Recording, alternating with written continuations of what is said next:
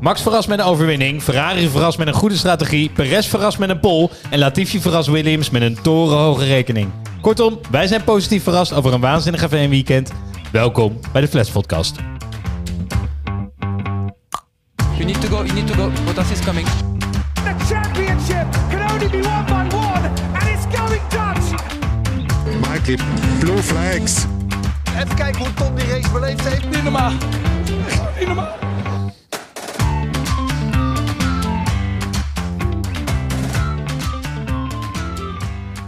Hallo allemaal en welkom bij de derde aflevering van de Flash Podcast van dit tweede seizoen. Waarin de meest amateuristische experts van Nederland hierbij praten over de zin en vooral ook de onzin van de afgelopen Grand Prix, de Grand Prix van Jeddah. Ik ben Bram, jullie host. Ik zit hier met Peter. Hallo Peter. Hey Bram. Ja, leuk dat de luisteraars je ook horen. Ik zou hier eigenlijk, eh, zouden wij met z'n tweeën zitten, maar we hebben maar liefst twee andere mensen aan tafel zitten. Eerst Pien, want die kwam nog even terug van wintersport omdat ze de Grand Prix zo mooi vond dat ze er toch bij wil zijn. Absoluut. Maar nog veel belangrijker is dat ik hier aan tafel heb. Tim, Tim, welkom. Yes! In het kader van eh, trouwe luisteraars gaan we dit seizoen een paar mensen uitnodigen. Eh, of trouwe luisteraars sluiten aan om, om een beetje mee te lullen. En. Jij bent een luisteraar van het eerste uur. Zeker, zeker. Ja, dus ik ben, eh, ja, ik ben eh, eigenlijk heel vereerd dat ik hier mag zitten. Misschien ben je ook wel diegene die gewoon 400 keer refreshed en onze cijfers op die manier eh, omhoog gepusht. Waarvoor Sluit ik ook niet dan- uit. Ik zat laatst wel te kijken naar die cijfers, maar dat kan je zelf, kunnen wij niet zien als luisteraars, of wel? Nee, dat eh, klopt. Gelukkig Dus, niet Dat is verschrikkelijk, want ik was wel een beetje zenuwachtig van hoeveel mensen luisteren nou, maar eh, nee, dus wij kunnen onze mijlpalen kunnen we ook gewoon claimen. Doen we ook. ja, fijn, fijn. En goed. Hey Tim, het is ook wel bijzonder dat jij hier zit, want jouw vrouw eh, staat op springen van een kleine. Ja, die staat op springen, ja. Dus eh, een beetje haast maken. want wie weet eh, moet ik straks eh, er vandoor. Nee, ja... ehm, Heb je je telefoon wel op stil gezet? Eh, nee, ja, die staat, altijd, ja, nee, die, is- die, staat, die staat gewoon goed. Een beetje in de gaten houden. Ja, de meestal, de eerste die wordt vaak eh, s s'avonds geboren. Dus, eh, of niet, de bevalling begint vaak s'avonds. Dus ik zit nog enigszins relaxed. Oké, dus we moeten gewoon we moeten opschieten. Ja, zeker. En ehm, ik, ik vroeg me af, hè, stel, stel nou, die kleine die komt eh, vannacht en, eh, en, en jij gaat dat kind een naam geven natuurlijk. Misschien heb je Ja, al wat in gedachten. Maar als je nou naar een Formule 1-coureur moet vernoemen op dit moment op de grid, naar wie zou je dan je kind vernoemen? Ja, als, nou, als ik dat doe, dan eh, gaan we sowieso scheiden, denk ik. Dus eh zo slecht, hè? Ik vond Max eigenlijk best wel een leuke naam. Dat maar niet. eigenlijk, ja, serieus. Maar eigenlijk door, eh, ja, door Max Verstappen Niet was meer. dat een no-go. ja. Maar zo of zo? Zo? Joe? Joe. Joe? Joe kan. Ik zat te denken Checo. Checo. Weet je wat dat betekent? Lewis? Nee. Checo. Lewis ook wel leuk naam. We- Weet je wat Checo betekent? Dat is natuurlijk een bijnaam, want hij heet Sergio. Maar Checo betekent grote lul. dat is geen grap. Dat is geen grap. Ja, we hebben hem. Dus we zien hier gewoon de plek. Nee, dat is geen grap. Ik zweer het Hoezo je. kom je er nu pas mee? We zijn al meer dan een seizoen onderweg. Oké, hey, eh, en om een beetje tempo erin te houden, eh, stel ik voor dat we inderdaad gaan kijken naar de afgelopen race, de Grand Prix van Jeddah. Dus we kijken eerst eventjes naar de race algemeen, voordat we de, de stand doorlopen van boven naar onder. Want ik denk dat ik namens ons allemaal spreek, zeg dat we naar een waanzinnige race hebben zitten kijken, toch? Hoe staan jullie erin? Ik kreeg een beetje een, een, een, een déjà vu eigenlijk eh, van een meerdere dingen. Latifi met de crash in de safety car. Een roze auto die veel te hard tegen zijn teamgenoten aan het racen was. Eh, Lewis die over zijn aan het zeiken was. Dus ik werd helemaal nostalgisch eigenlijk naar vorig jaar. Ik vond het wel weer waanzinnig. Ah, het is gewoon een epic battle. En het is best wel bijzonder dat als er één team wegvalt. Hè, dus we hebben een van die titelkandidaten van vorig jaar doet eigenlijk gewoon niet meer mee.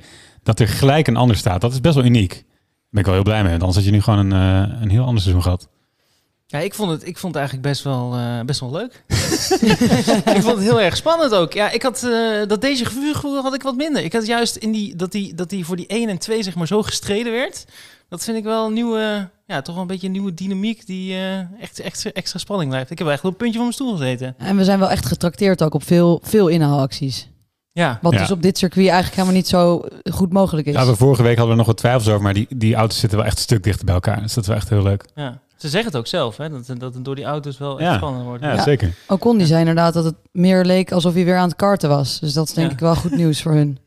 Ja, en Max die nu een, een race lang volgens mij op anderhalf seconde van Leclerc heeft gereden, dat kon gewoon niet vorig Nee. jaar. Zo dicht erop Ja, zitten. terug. Ja, viel terug. Ja, en ik hoor dat ze bewust ook aan het einde dan, zeg maar, ervoor gingen om dan die inhaalactie te maken. Dus het is ook best wel strategisch dat ze weten van, aan het einde kan het nu gebeuren. Terwijl in vorig jaar had ik best wel het idee van, op een gegeven moment is dat gat er en dan, dan lukt het niet meer of zo. Ja, dus dan, dan was het gewoon één of twee pogingen Precies, en klaar. dat was het, ja, ja. En nu eh, de hele race erachter. Alles ja. of niets. Ja. Hey, en 13 mensen gefinished, dus er gebeurde ook het nodige aan uitvallers en crashes. Daar gaan we zo meteen ook nog voorbij.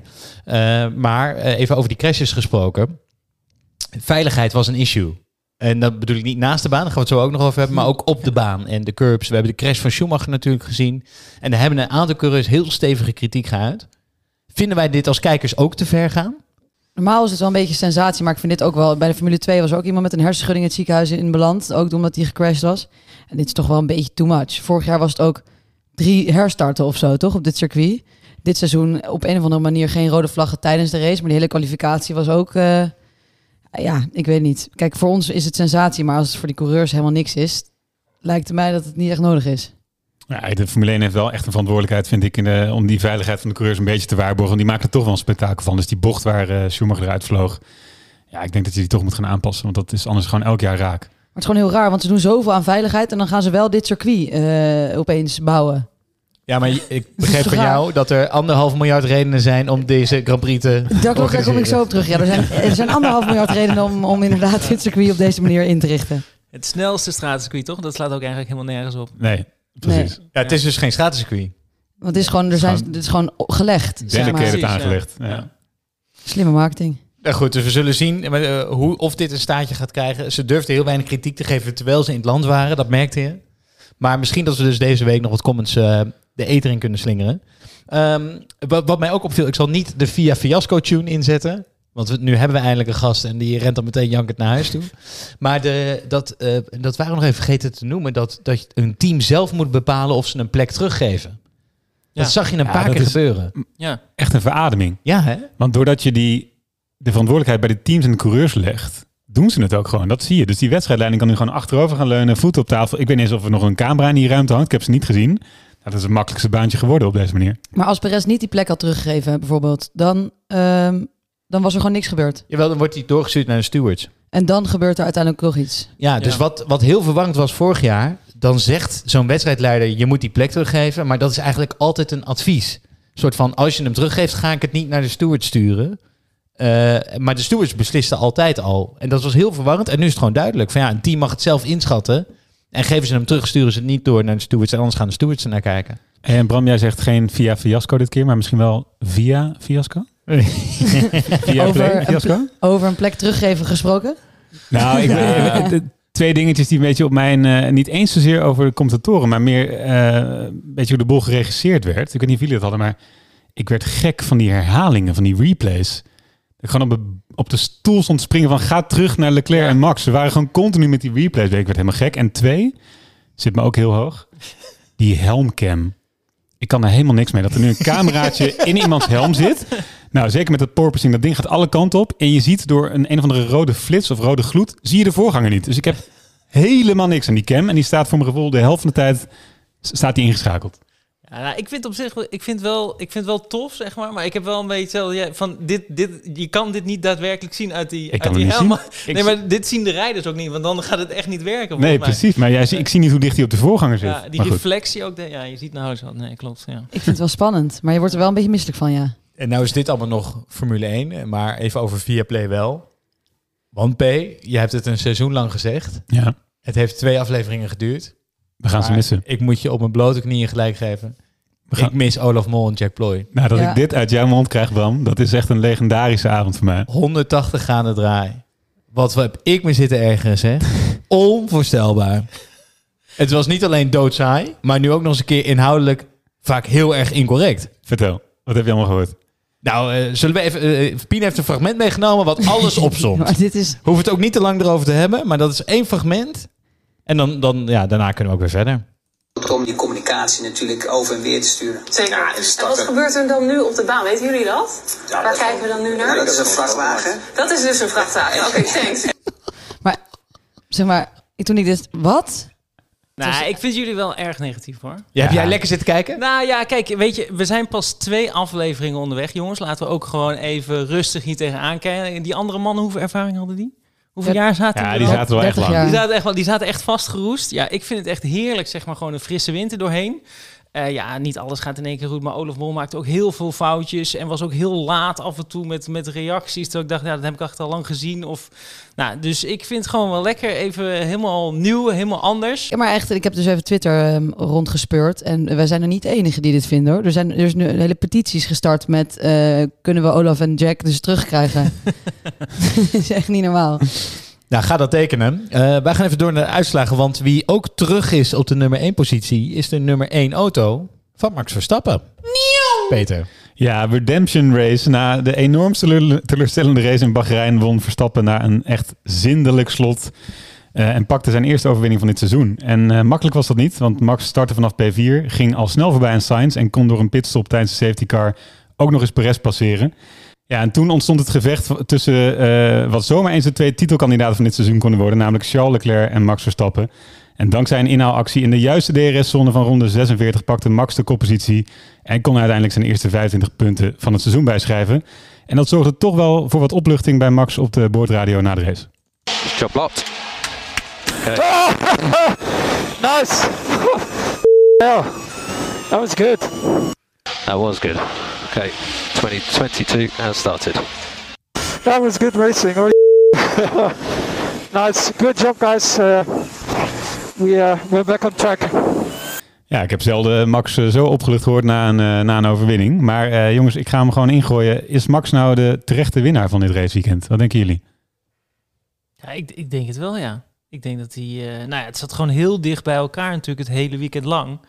Maar dat hij, ja, volgens mij heel tactisch die race eh, aan het einde echt die, die, die, die inhaals heeft gemaakt. Eh, dat, dat hem dat ook lukt. En dan, ja, precies op het goede moment... eh, tactisch ingehaald met die DRS-zone. Ja, ik denk dat hij dat gewoon... ja, het was een titanenstrijd, zoals je zei. Ja. Maar terecht, terecht gewonnen, ja. Wat ik wel vet vond om te zien is dat... Dus Ferrari had de snellere auto in sector 1. Hè? Dat was die snelle... sorry, dat was die bochtige sector. En daarna had Verstappen in 2 en 3 de snellere auto. Wat wel een bijzonder verschil volgens mij voor de rest van het seizoen... tussen die Red Bull en Ferrari. Maar nee, Verstappen reed inderdaad fenomenaal. Geen fout gemaakt. Maar dat kon je ook van Leclerc zeggen. Dus wat dat betreft... eh, Ik vond Goed eigenlijk, eh, ik heb dat wel iets anders ervaren eigenlijk. Tenminste, hij, hij, hij leek een beetje op Hamilton deze race. Qua gezeur op de boordradio. Ja, dat Het vond was ik ook. wel echt een beetje klikken bij de leraar. En dit vind ik, dat, dat ben ik eigenlijk helemaal niet van hem gewend. Ja, hij bedoelt dus, hij, hij, hij wees continu op de, het feit dat Leclerc over die witte streep ging.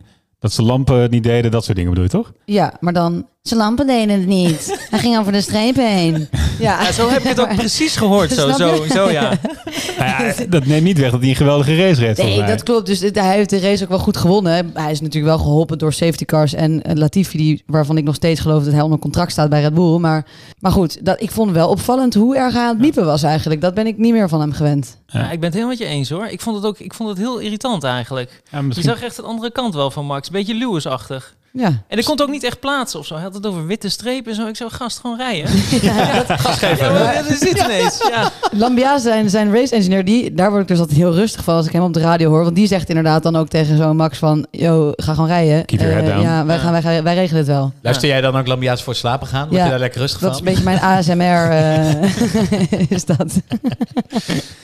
En wat op zich wel een vet moment was op een gegeven moment die enorme inhaalactie van zowel Leclerc en Max voor die DRS, eh, eh, Ja, weer daar hè? ja. voor, die, voor, die meet, voor dat meetpunt. Ja, vorig jaar was dat Hamilton en Verstappen. Ja. En nu remden ze naast elkaar. Vorig jaar remden ze achter elkaar. Toen ging het niet goed. Ja, daarvoor kreeg ik dus ook een déjà vu, snap je? Je zag op een gegeven moment zag je die rookpluimen, zag je zo gaan. Bij dat precies dat stuk dacht ik, oh, wat gaan we nou weer krijgen? Maar daar was achter dus- elkaar de rookpluimen. hè? Ja, zeker weten. Maar dus er gaan dus nu wat geluiden op. Hè, dat de DRS zou mogelijk uitgefaseerd kunnen worden omdat die auto's beter naar elkaar toe kunnen rijden zonder DRS. Dat die DRS-zones hebben nu zo'n grote invloed op de race dat, dat, nou, dat je zou kunnen zeggen van dat is misschien wel te groot. Je zou ze al wat eerder weg kunnen laten. Nou, iemand zei dus, dat las ik ergens, en dan verklap ik een beetje zo meteen waar, wat mijn punt ook over gaat. Maar ehm, mensen die zeiden van, moeten we niet DRS op een bepaalde lengte zetten, de limiet zeg maar. Dus dat je zoveel per race je DRS mag gebruiken. Hmm. Oké. Omdat dus het voordeel dus zo groot schijnt te zijn dat het gewoon eigenlijk vals spelen is. Maar aan de andere kant, iedereen wil inhaalraces. Dan krijg je DRS, wordt er ingehaald en dan gaan ze weer zeiken dat er te veel wordt ingehaald. Ja, Nee, want had goed. Max gewonnen als er geen DRS zat in deze Hij, heeft zelf aangegeven van niet. Nee, precies. Dat lijkt me ook lastig Ja, nog hoor. dus misschien nog maar even inhouden. Zeker, Ja. zeker als de verschillen eigenlijk zo klein zijn, kan die DRS net even ja, dat is wel een waar. beetje geven. Dat is wel waar. Hey, nog, misschien nog even heel kort eh, naar, naar Checo. Terwijl, eh, terwijl Bram hier bijna over zijn nek gaat. Ik, eh, ik heb een mooie lasagne gemaakt. Dat is niet iedereen goed bevallen. Was het de Ehm. DRS of was het de lasagne? Nee, maar even heel kort over... Mijn eh, achtervleugel ging ook even open. je achtervleugel of je voorvleugel? Ik hoop niet je achtervleugel. Petra, heel even Het naar, niveau gaat wel omhoog hier, hè? Ja.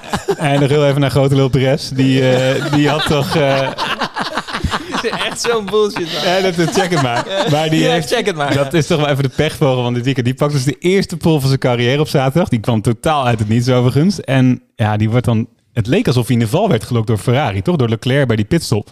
Re- Red Bull heeft achteraf aangegeven van... Nou, dat was gepland. Maar toen Ferrari buiten ging staan en zei van... Hey, eh, box to overtake. Ging alleen Perez naar binnen. Leclerc door. Toen safety car. En toen kon iedereen...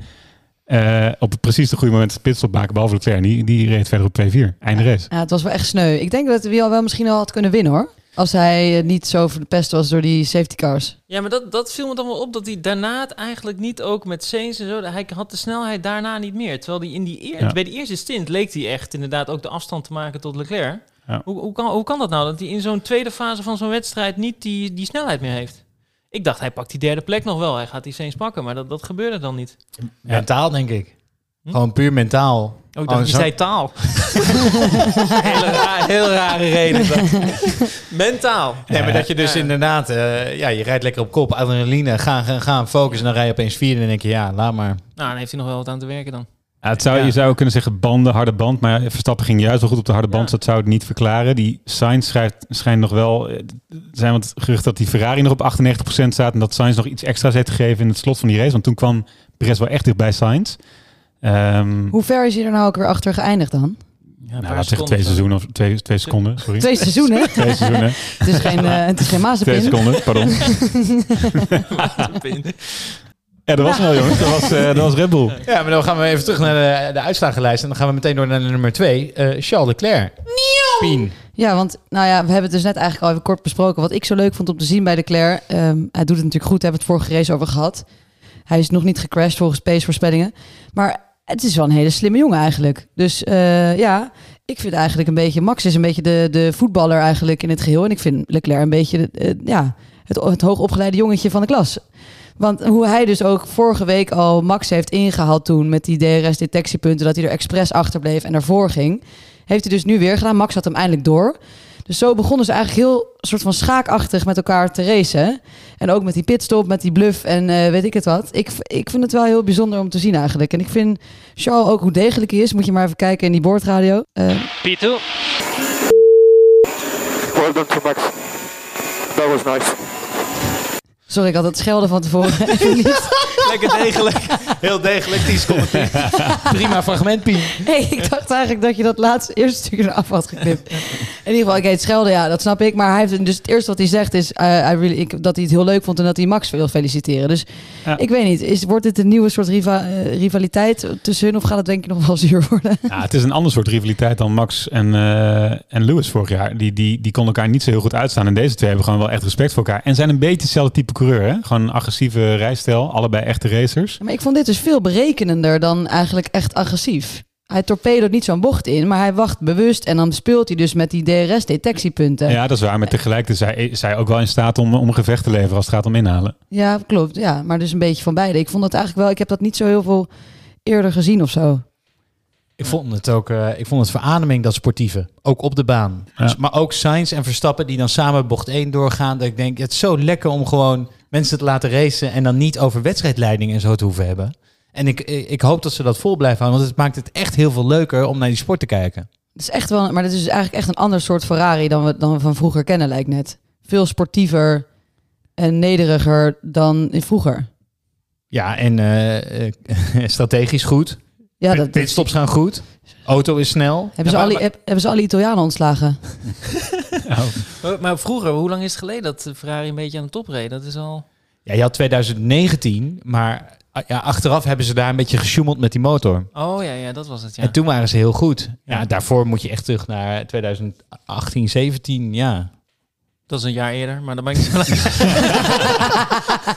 nou, ze zijn voor het laatst kampioen geworden met Kimi Räikkönen in 2008. Ja, precies, Ja. precies. Het is echt wel een tijdje geleden dat ze echt Ja. Maar ze, ze doen het ook best wel ontspannen of zo. Tenminste, het is niet zo van super uitbundig van... oh, we zijn weer eerste. Ik bedoel, ze zijn wel blij. Maar het is inderdaad ook een bepaalde volwassenheid van... nou ja, we doen nu mee aan de top en... eh, Maar ja, misschien heeft het ook een beetje te maken met de baas. Hè? Nou weet ik, jij bent volgens mij eigen baas, eh, Tim. Ja, maar eh, als je een baas hebt die nou heel rustig is, die Binotto, die straalt ook wel een partijtje rust uit, toch? Dat is toch echt mooi om te zien. Ik denk dat je gewoon ook wat, je volgt een beetje de leader. Voor mij heeft hij, eh, heeft hij zich onsterfelijk gemaakt in Drive to Survive. Dat hij gewoon stevast elke vraag in het Italiaans beantwoordt. En hij spreekt wel Engels. Hij, spre- hij antwoordt gewoon in het Italiaans. Ja. dan ben je gewoon de koning.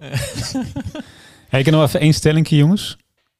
Mag je, kan ik hem erin gooien? Nou, absoluut. Kijk, want Leclerc knip- is nu knip wel... ik er wel uit. Maar Ja, ga verder knip ik uit. Nou, ik knip vanavond, dus gaan we er gewoon lekker in. Maar, ehm, Knippen wij dan? Ehm, kijk, Leclerc eindigt nu twee keer voor Sainz. Maar ik denk dus toch dat die Sainz, die krabbelt nog wel een keertje bij. En die, die rivaliteit tussen die twee is groter dan bijvoorbeeld bij Max en, en Perez. En ik denk dus dat die rivaliteit, als die nog wat meer gaat ontstaan, dat dat toch een van de twee punten gaat kosten, in dit geval Leclerc. En dat dat wel eens ehm, kan bijdragen aan het kampioenschap van toch uiteindelijk Max. Dus als Sainz er dichterbij komt, net zoals vorig jaar, gaat hij en, en met zijn eigen teamgenoot Leclerc battelen om de punten. En dan is dat in het voordeel van Red Bull. Dat is een beetje... Maar krijg je dan geen teamorders, denk je? Nou, dat, dat, is, dat is een goed punt. Vorig jaar niet.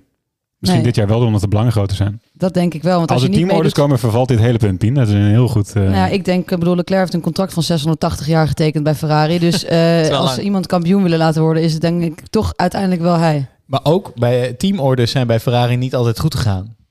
Dus er, er zijn wel Nee. teamorders geweest dat Vettel, dat Vettel Leclerc voorbij moest laten en het gewoon niet deed. Punt. Ja. En, dat, en dat Ferrari toen ook maar zei drie rondes later van oké, doe maar niet. Dus weet je, helemaal met jou eens, B. Maar laten zij ook niet gewoon racen, zeg maar? Of is Red Bull de enige ik denk dat ze voorlopig nog wel laten racen. Alleen uiteindelijk is dit... Ik bedoel, Max heeft nu een, bepaalde achterstand. Maar ik denk dat dat in de loop van het seizoen meer een rol gaat spelen bij Ferrari dan bij Red Bull. Hey, een team wat sowieso niet aan eh, teamorders doet, is het team van Alpine. Want eh, Alonso en eh, Ocon zijn bijna de hele race met elkaar in gevecht geweest. En ik denk, ik ga dit punt eens even aangrijpen om die gasten in de spotlight te zetten. Want in principe heb ik een bloedhekel aan dit Franse team. Maar ik vind ze nu best leuk eigenlijk. Komt allemaal door Alonso. Alonso heeft vorig seizoen gezegd, eh El Plan, jongens. El Plan, we worden in 2022 worden we heel goed. Want daar gaan we alles op focussen.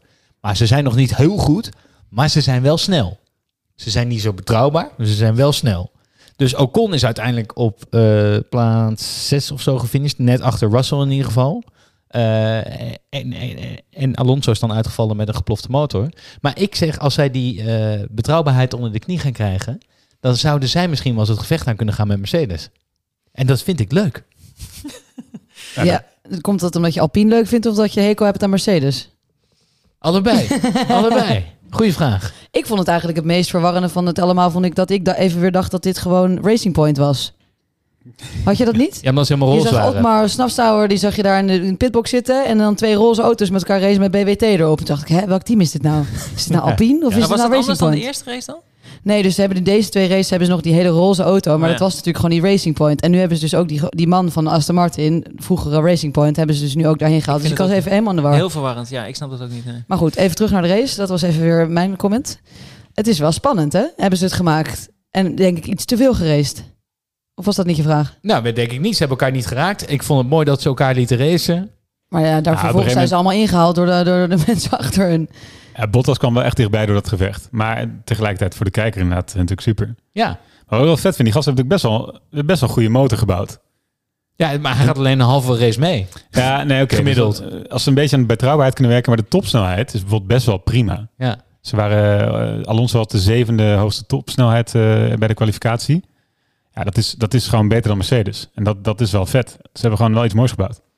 Ja, dus eh, die gaan we in de gaten houden. En eh, dan gaan wij snel verder naar iets wat we ook in de gaten houden. En dat is de rubriek Buiten de baan. Can you stay out on this condition? Can you stay out?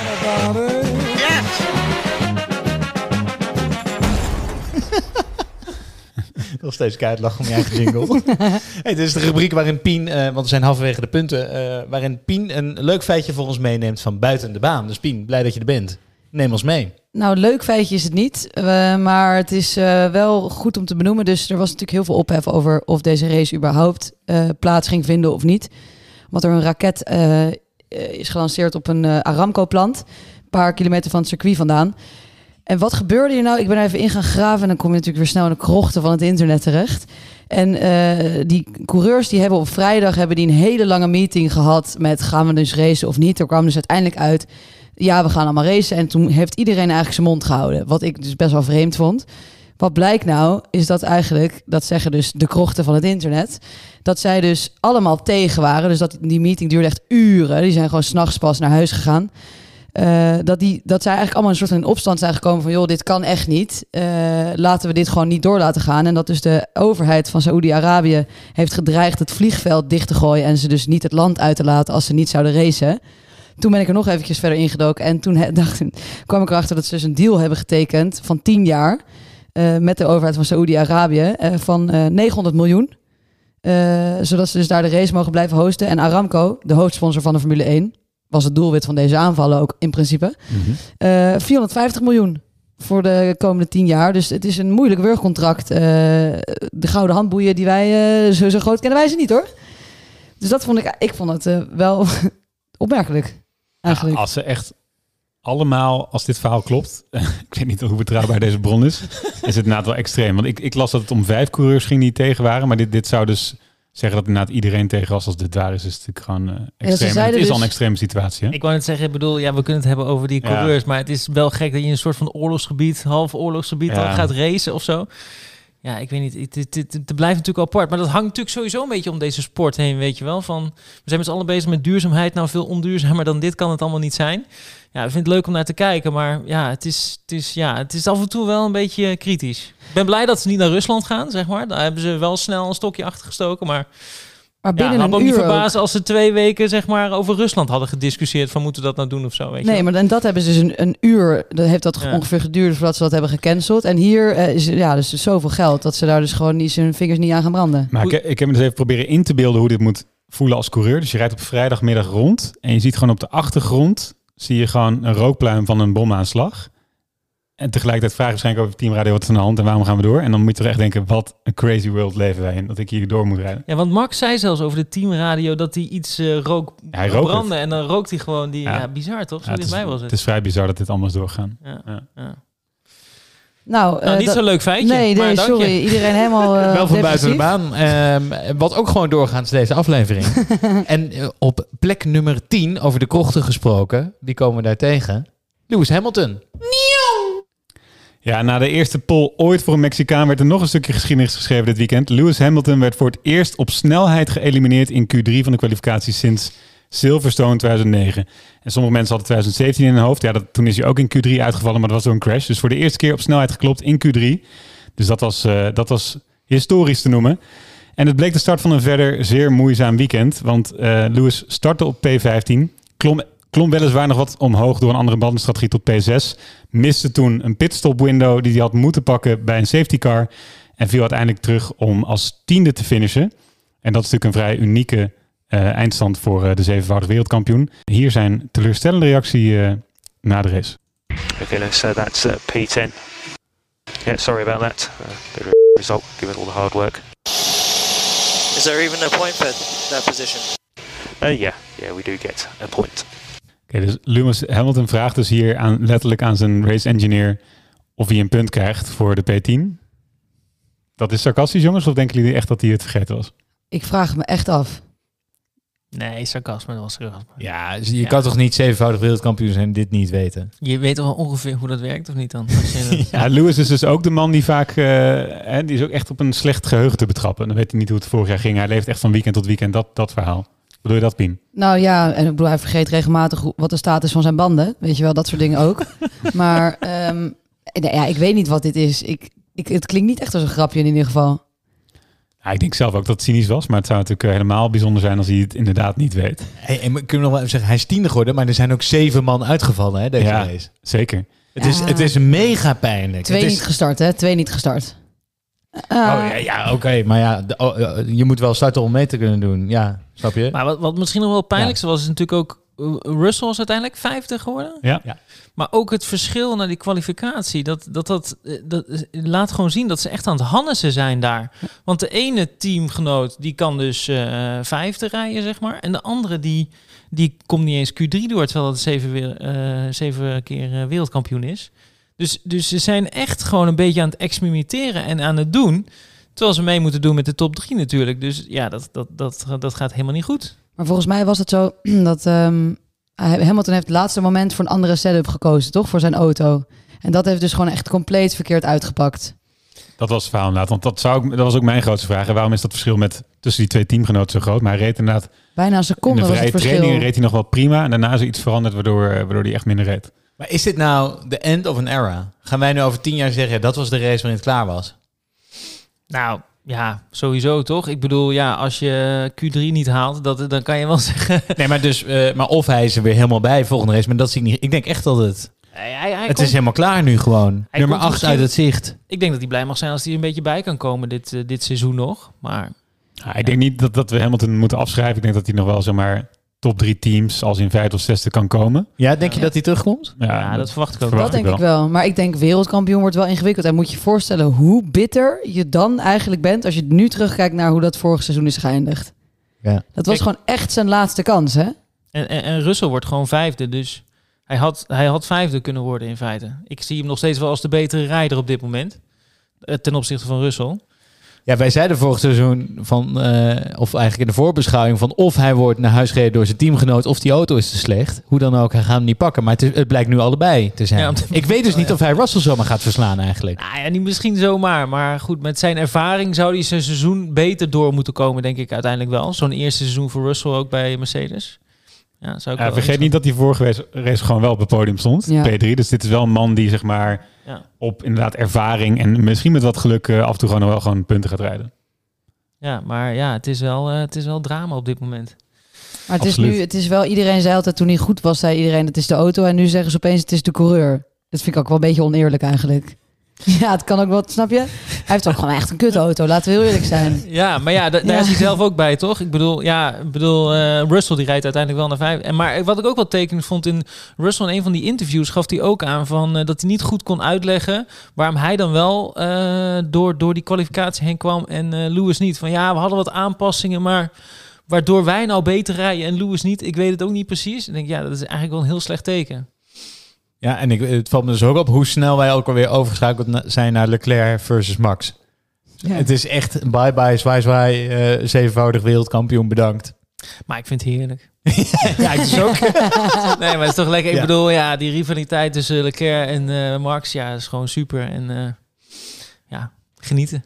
Ja, over de Mercedes gesproken. Er wordt veel gesproken over die motoren. Dat die wat minder zouden zijn. En dat ze in de problemen zouden zitten door die engine freeze. En dat brengt ons op de lekenvraag van de week. Uh, Michael, I just send you an email um, with the diagrams where the car should be. Did you receive that? Uh, yeah, then maybe you should maybe look at this because there is something with the rules coming up.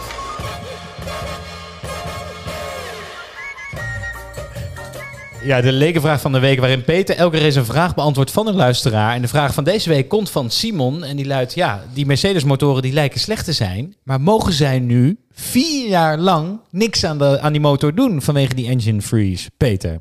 Dat is een hele goede vraag. En volgens mij hebben wij vorige keer de indruk gewekt dat het inderdaad een eh, harde freeze is. Dat is ook zo. Maar er zijn twee deadlines geweest. Eén was begin maart.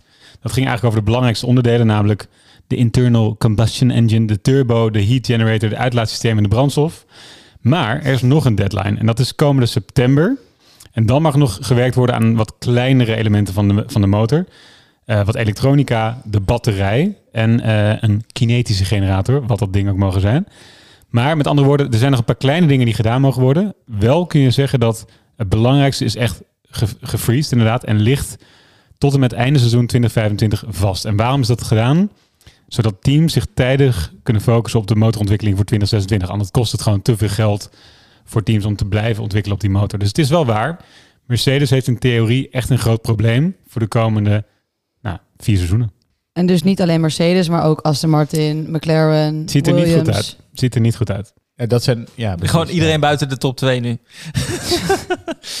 ja, Wow. ik, heb ook, de- ik heb ook begrepen dat Ferrari inderdaad juist om die reden heel vroeg begonnen is met de ontwikkeling van Ja. deze motor. Omdat ze wisten, als we dit goed hebben, dan zit je gewoon En een paar jaar gebakken. Ja, en dan profiteren alle teams van die Ferrari rijden. Moet ik wel bijzeggen, hè, er kunnen natuurlijk ook teams zijn die nog wel in die chassis nog verbeteringen gaan doen. Dus het is niet zo dat het, zoals het nu ervoor staat, ook zo blijft. Op andere punten kan wellicht nog wel wat gedaan worden, maar op die motor kan er weinig meer gebeuren. Nicolas Latifi. en dan zeggen jullie Latifi, en dan zeg ik Latifi. Want, ehm, jongens, we hadden, we hadden natuurlijk... Wat wil je daar nou weer mee zeggen? dat is echt... Dat Wat was is dat? Latifi, Latifi. Latifi. Latifi. Latifi? Nee, moet, moet ik hem uitleggen? Of? Ik vraag toch ook nog aan jou? Dit knippen er straks weer uit. nee, dat is... Nee, de, Nee, jongens, toen Mazepin stopte, hadden wij natuurlijk een groot probleem met deze podcast. Laten we eerlijk zijn. Want de helft van onze content liep gewoon de Formule 1 uit. Ja, Ah. het was genieten met die gast. kijk. Maar ik heb een waardig vervanger gevonden. Nicolas Latifi. Eh, vorige race. Ja, die gast rijdt dus bij Williams, hè? Williams coureur. Het is zijn derde seizoen. Ze zeggen altijd, in je derde seizoen moet het echt komen. Dan moet je het echt laten zien. Dan heb je twee seizoenen kunnen spelen en eh, wennen. Daar gaan we. Nou, let op. Vorige race kwalificeert hij zich als laatste. In de race finisht hij alleen maar voor Hulkenberg... die zijn hoofd letterlijk niet meer overeind kon houden aan het einde van de race. Die nekspieren. Nu is hij compleet eh, met niemand in de buurt in de kwalificatie. Heeft hij zijn auto snoeihard in de muur geparkeerd. En tijdens de race ook niemand in de buurt. Precies hetzelfde gedaan. In een tijd van een budgetcap. Dus, ja, dus dan heb je zo wel twee auto's heb je compleet naar de Filistijnen geholpen. Eh, en dat hele team staat daarmee staat ook echt op een low point. Eh, die, die waren best wel een beetje een opwaartse trend vorig seizoen bezig samen met Russell. En waar, waar Haas stijf onderaan stond. En het is nu omgedraaid. En eh, ja, jongens, maar dit, die, die Latifi is een pay driver. Ik, ik, ik vind het niet meer kunnen. Het is het toch niet meer waard? Zeg maar meer van, je kan toch gewoon een financiële analyse maken over hoeveel zo'n jongen je kost en hoeveel het je oplevert qua inkomst die hij meebrengt. Als jij in één weekend twee hele auto's crasht, dat kan ongeveer, dat is ongeveer de helft van wat hij meeneemt in zo'n jaar. Ja, het valt me dus wel op inderdaad, die, die, die crashes, de aanleiding daartoe lijkt best wel op elkaar. Hè? Die auto breekt achteruit. Dus dan vraag ik me af, hoe is dan zaterdag geëvalueerd? Zeg maar, dus de coureur kan kijken naar wat hij fout deed, het team kan kijken naar wat hij fout deed. En vervolgens gaat op zondag op een vergelijkbare manier gaat die auto de baan af. Ja, maar ja, als, de- ik als, de- ik, denk dat, ik denk dat het geanalyseerd is. Ik denk dat de uitkomst van die analyse was... die gast kan niet rijden. ja. Dus ja, hoe ga je dat dan oplossen? Maar Nee. vorig jaar was hij echt. Nou, vorig jaar was een beetje de vraag: oké, Russell is natuurlijk heel goed. Dus gaat nu Latifi dan een beetje bovendrijven? Maar nou ja, oké, dat antwoord hebben we dus ook. Ik had niet verwacht dat hij zo slecht zou zijn dit seizoen. Vorig jaar was hij toch echt minder slecht. Ja, maar goed, ik vind het ook minder cult dan Mazepin helaas. Ja. Er kon ik echt lachen als die spinnen. Nu word ik gewoon boos. Ja, het is wel ik, denk dat, ik denk dat Mazepin vorig jaar een flink deel ook verbloemd heeft van eh, ook de machteloosheid, machteloosheid van Latifi hoor. ja, dat dus dat is, nu gewoon... Latifi soort bliksemafleider. hem- Ja, ja, ja, precies. Kijk, de onderste net laag is zeggen. er nu af en we kijken naar de andere onderkant van de Formule 1 nu. Hey, want ik wil nog even naar, eh, echt naar de absolute kelder van deze race. Ja, want we, we willen alle kanten belichten. En dat is Mick Schumacher. Kijk, die is natuurlijk keihard in die gecrashed, hè. 35G. We maakten ons enorm zorgen. En eh bleek allemaal niet nodig te zijn, want het gaat goed met hem. Maar even, die, die jongen die heeft zijn belofte toch... Gaat hij die ooit, die enorme belofte en zijn achternaam... gaat hij dat ooit waarmaken? Want hij blijft toch op de meest cruciale momenten... blijft hij hele grote fouten maken. En nu ook weer. Ze hebben een auto waarmee ze gewoon in Q3 kunnen komen. Bewijs Magnussen. Die instapt en gewoon eh, twee keer tot 10 rijdt. Ehm, en hij verziekt het weer. Dus, I'll take your bets. Nou, ik denk dat het er wel in zit, qua talent. Maar die fouten moeten eruit, want anders heeft hij een probleem. Vorig jaar eh, had hij het geluk dat hij inderdaad rustig kon rondrijden. Er was niets meer te halen in dat jaar. Nu staat er een goede coureur naast, Magnus, Magnussen. En ja, daar moet hij zorgen dat hij niet verbleekt naast een goede coureur. En, en het is interessant om te zien wat, wat die druk met hem doet. Want hij moet het nu laten zien. De benchmark is veel sterker. Ja, tot nu toe maakt hij gewoon fouten. Dus dat, dat moet eruit. En dan, dan denk ik, ik wil hem nog niet afschrijven. Want hoe- hoeveel jaar rijdt hij nu mee? Tweede jaar is dit. Tweede jaar pas, hè? Ja. Ja, ik dacht ook van, hoort het er niet een beetje bij? Of, of tenminste zo'n jonge coureur dan die dan in zo'n Formule 1, ja, dan moet je hem af en toe een keer tegen de muur zetten. En op een gegeven moment weet je wel, dat moet ik niet, niet nog heel veel vaker doen. En dan komt het wel. Leclerc was in het begin toch ook wel, die heeft ook wel een paar goede fouten gemaakt, eh, waar we Ja. nu best wel lyrisch over zijn dan. Nou, en Nee, maar die, die gaat ook nog wel een fout maken. Maar Schumacher, Ja, stond, eh, Schumacher stond wel ook bekend om uh, langzaam. Hij is een langzame opstarter. Ook in zijn eerdere carrière ehm, was hij. Kwam Dieseltje. Hij lang, het is een dieseltje. is niet handig als je in de Formule 1 auto Nee, rijdt. dat is, eh, dat is niet zo handig, nee. Maar dus hij kwam in de eerdere seizoenen in de Formule 2 en 3 kwam je ook wel wat langzamer op gang. Dus wellicht dat het nog wel beter wordt. Maar ja, het is niet top. Ik bedoel, ook bliksemafleider Mazepin is hier weer weg. En eh, je ziet dat het toch wel niet helemaal lekker gaat. Volgens mij gaat de HM puur over de achternaam en niet zozeer over eh, rijkwaliteit. hè? Nee, dat is denk tuurlijk. Want er wordt gezegd dat hij dus naar Ferrari eh, zal gaan ooit. Ja. Hè? Dus hij is helemaal... Gegarandeerd. Ja, gegarandeerd. De G-word, ja. Ja. De G-word. nou, Gegarandeerd. niet, niet in die van Leclerc in ieder geval. Want die zit ongeveer tot zijn overlijden zit hij daar nog. Maar ik zie niet eh, waarom, dit, eh, waarom dat ooit zou gaan Nee. lukken. Nou, dan moet hij gewoon beter gaan rijden, toch? Ja. Kijk, het is ook wel... Ik bedoel, die bocht is dan ook heel gevaarlijk. En, en, en hij wist dat hij alles op alles moest zetten om dan zo'n Q te halen. En dan eh, neemt hij ook alle risico. Je moet ook echt de ballen hebben om dat te doen, weet je wel. Dus ik, ja...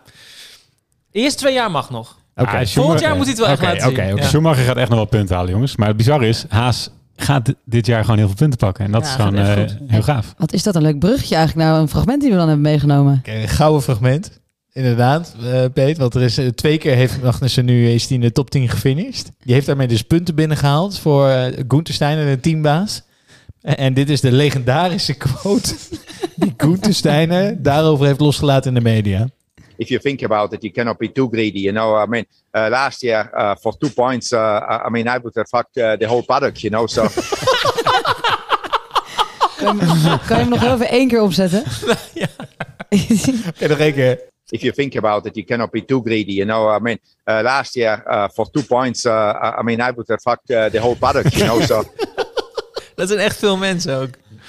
Echt heel veel mensen. En dat is echt gewoon... Dat is echt wel, dat is wel dat is vijf echt van wel de een man. baan op zich. Dat is wel vijf van de man, is ja. dit de les die jij eruit trekt? Ja.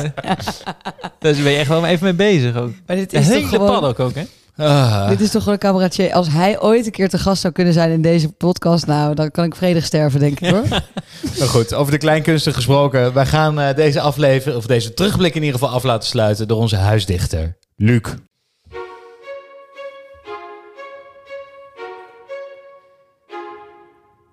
Fernando made it pretty clear. He said you have to leave it the space. All the time you have to leave it the space.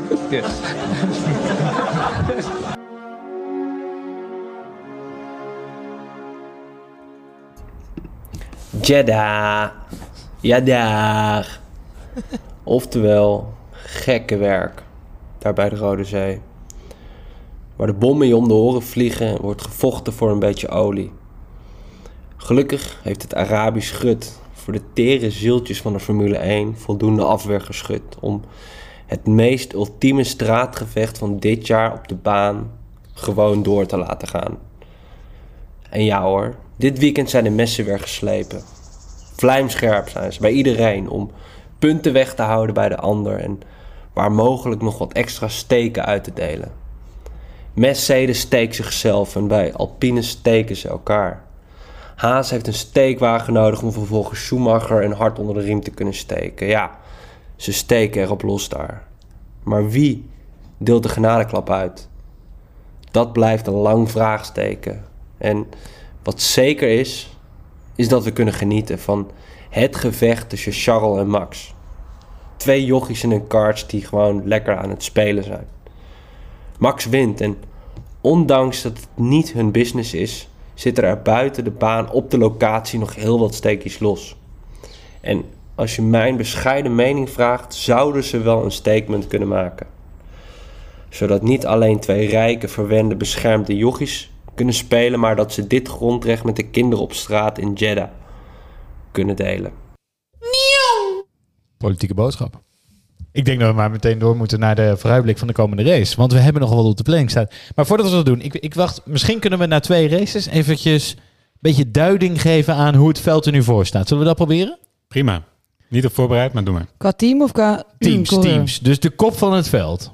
Zeg ik, dat zijn Ferrari en Red Bull, toch? Ja.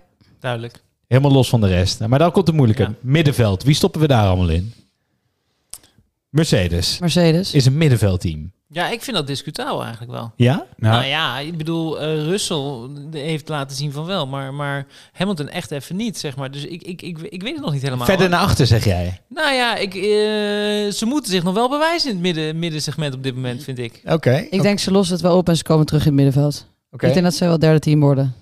Oké. Het bijzondere is dat je door die Ferrari-motoren van Alfa Romeo en Haas... samen met Alpine, dat zouden best wel eens de drie voorhoede-teams in het middenveld kunnen worden. En dat zou wel echt sensatie zijn. Ja, dus hebben er al vier hebben daar eigenlijk staan. Mercedes met potlood en dan Alpine, Alfa en Haas. Notabene. Dus die noemen wij gewoon in het middenveld. Ja. Dan heb je een soort van sub-achterhoede misschien. McLaren en Alfa Tauri. Oh, McLaren, echt zo pijnlijk. Ja, dat is heel pijnlijk, ja. Heb je het helemaal niet over gehad, maar dat is echt heel pijnlijk. Ja, kun je niet anders doen. Nee, ja, ja, verschrikkelijk. Ja, ik, hoop, ik hoop echt voor ze dat het wat beter gaat. Ook voor, voor de jongens vooral in die auto. Dat zijn echt twee gasten die eh, echt heel graag willen. Nou, op zich iedereen daar, maar zij zijn er volgens mij vanuit gegaan... nou, we gaan lekker meedoen dit jaar. Nou, verre van. Maar daarvan denk ik dus wel dat McLaren en Mercedes... met hun, de, de grootte van hun organisatie... nog wel op chassis de- langs Alfa Tauri en Haas kan ontwikkelen. Mhm. Mhm. En dan hebben we het dus nog over Aston Martin en Williams. Ja, en dan nog Latifi. En dan... Zetten we die achteraan, die twee? Ja. Oh, dat is pijnlijk voor Aston Martin, zeg, met al die grote woorden. Ja, ja, Ik vind het echt lekker voor ze. Ja, sorry. ik, vind, ik heb daar helemaal niks mee. Ja, dus dan... eh, maar goed, al met al is de boel dus flink opgeschud. Totaal. Ja. Echt leuk. Kijk of, eh, kijk of dit een klein beetje overeind blijft staan in de volgende race. En die is in Melbourne. Melbourne. Oh ja, dat P. begonnen we eigenlijk altijd, toch? Ja, is twee jaar dicht geweest. Oh ja. Dus we gaan nu voor het eerst... Nou, ik heb niks voorbereid, Peter. Dat doe jij altijd. Dus. Ja, het was Park Vermee, zou je kunnen zeggen. Want die race is in een park. Dus ik, eh, en het was dicht, twee jaar. het was dicht twee jaar. Bottas heeft gewonnen. Bottas heeft gewonnen. Ricciardo verlo- verloor na 50 meter zijn voorvleugel en werd daarna uit de race gehaald. eh, halverwege de race. En Haas heeft hier echt een enorme naam van mislukte pitstops. Oh, dit, dit is waar die quote vandaan komt van... eh, we look like a fucking bunch of wankers. Ja, die Oh, dat wielen, was in die wielen die Australië. daar afgingen. Dat was die hele race waard, die ene quote. ja, ja, precies. Oké, en eh, ik zat te denken, minder rechte stukken, minder snelheid. Dit is echt een stratencircuit. Eh dus hier rijden ook daadwerkelijk auto's, normaal gesproken.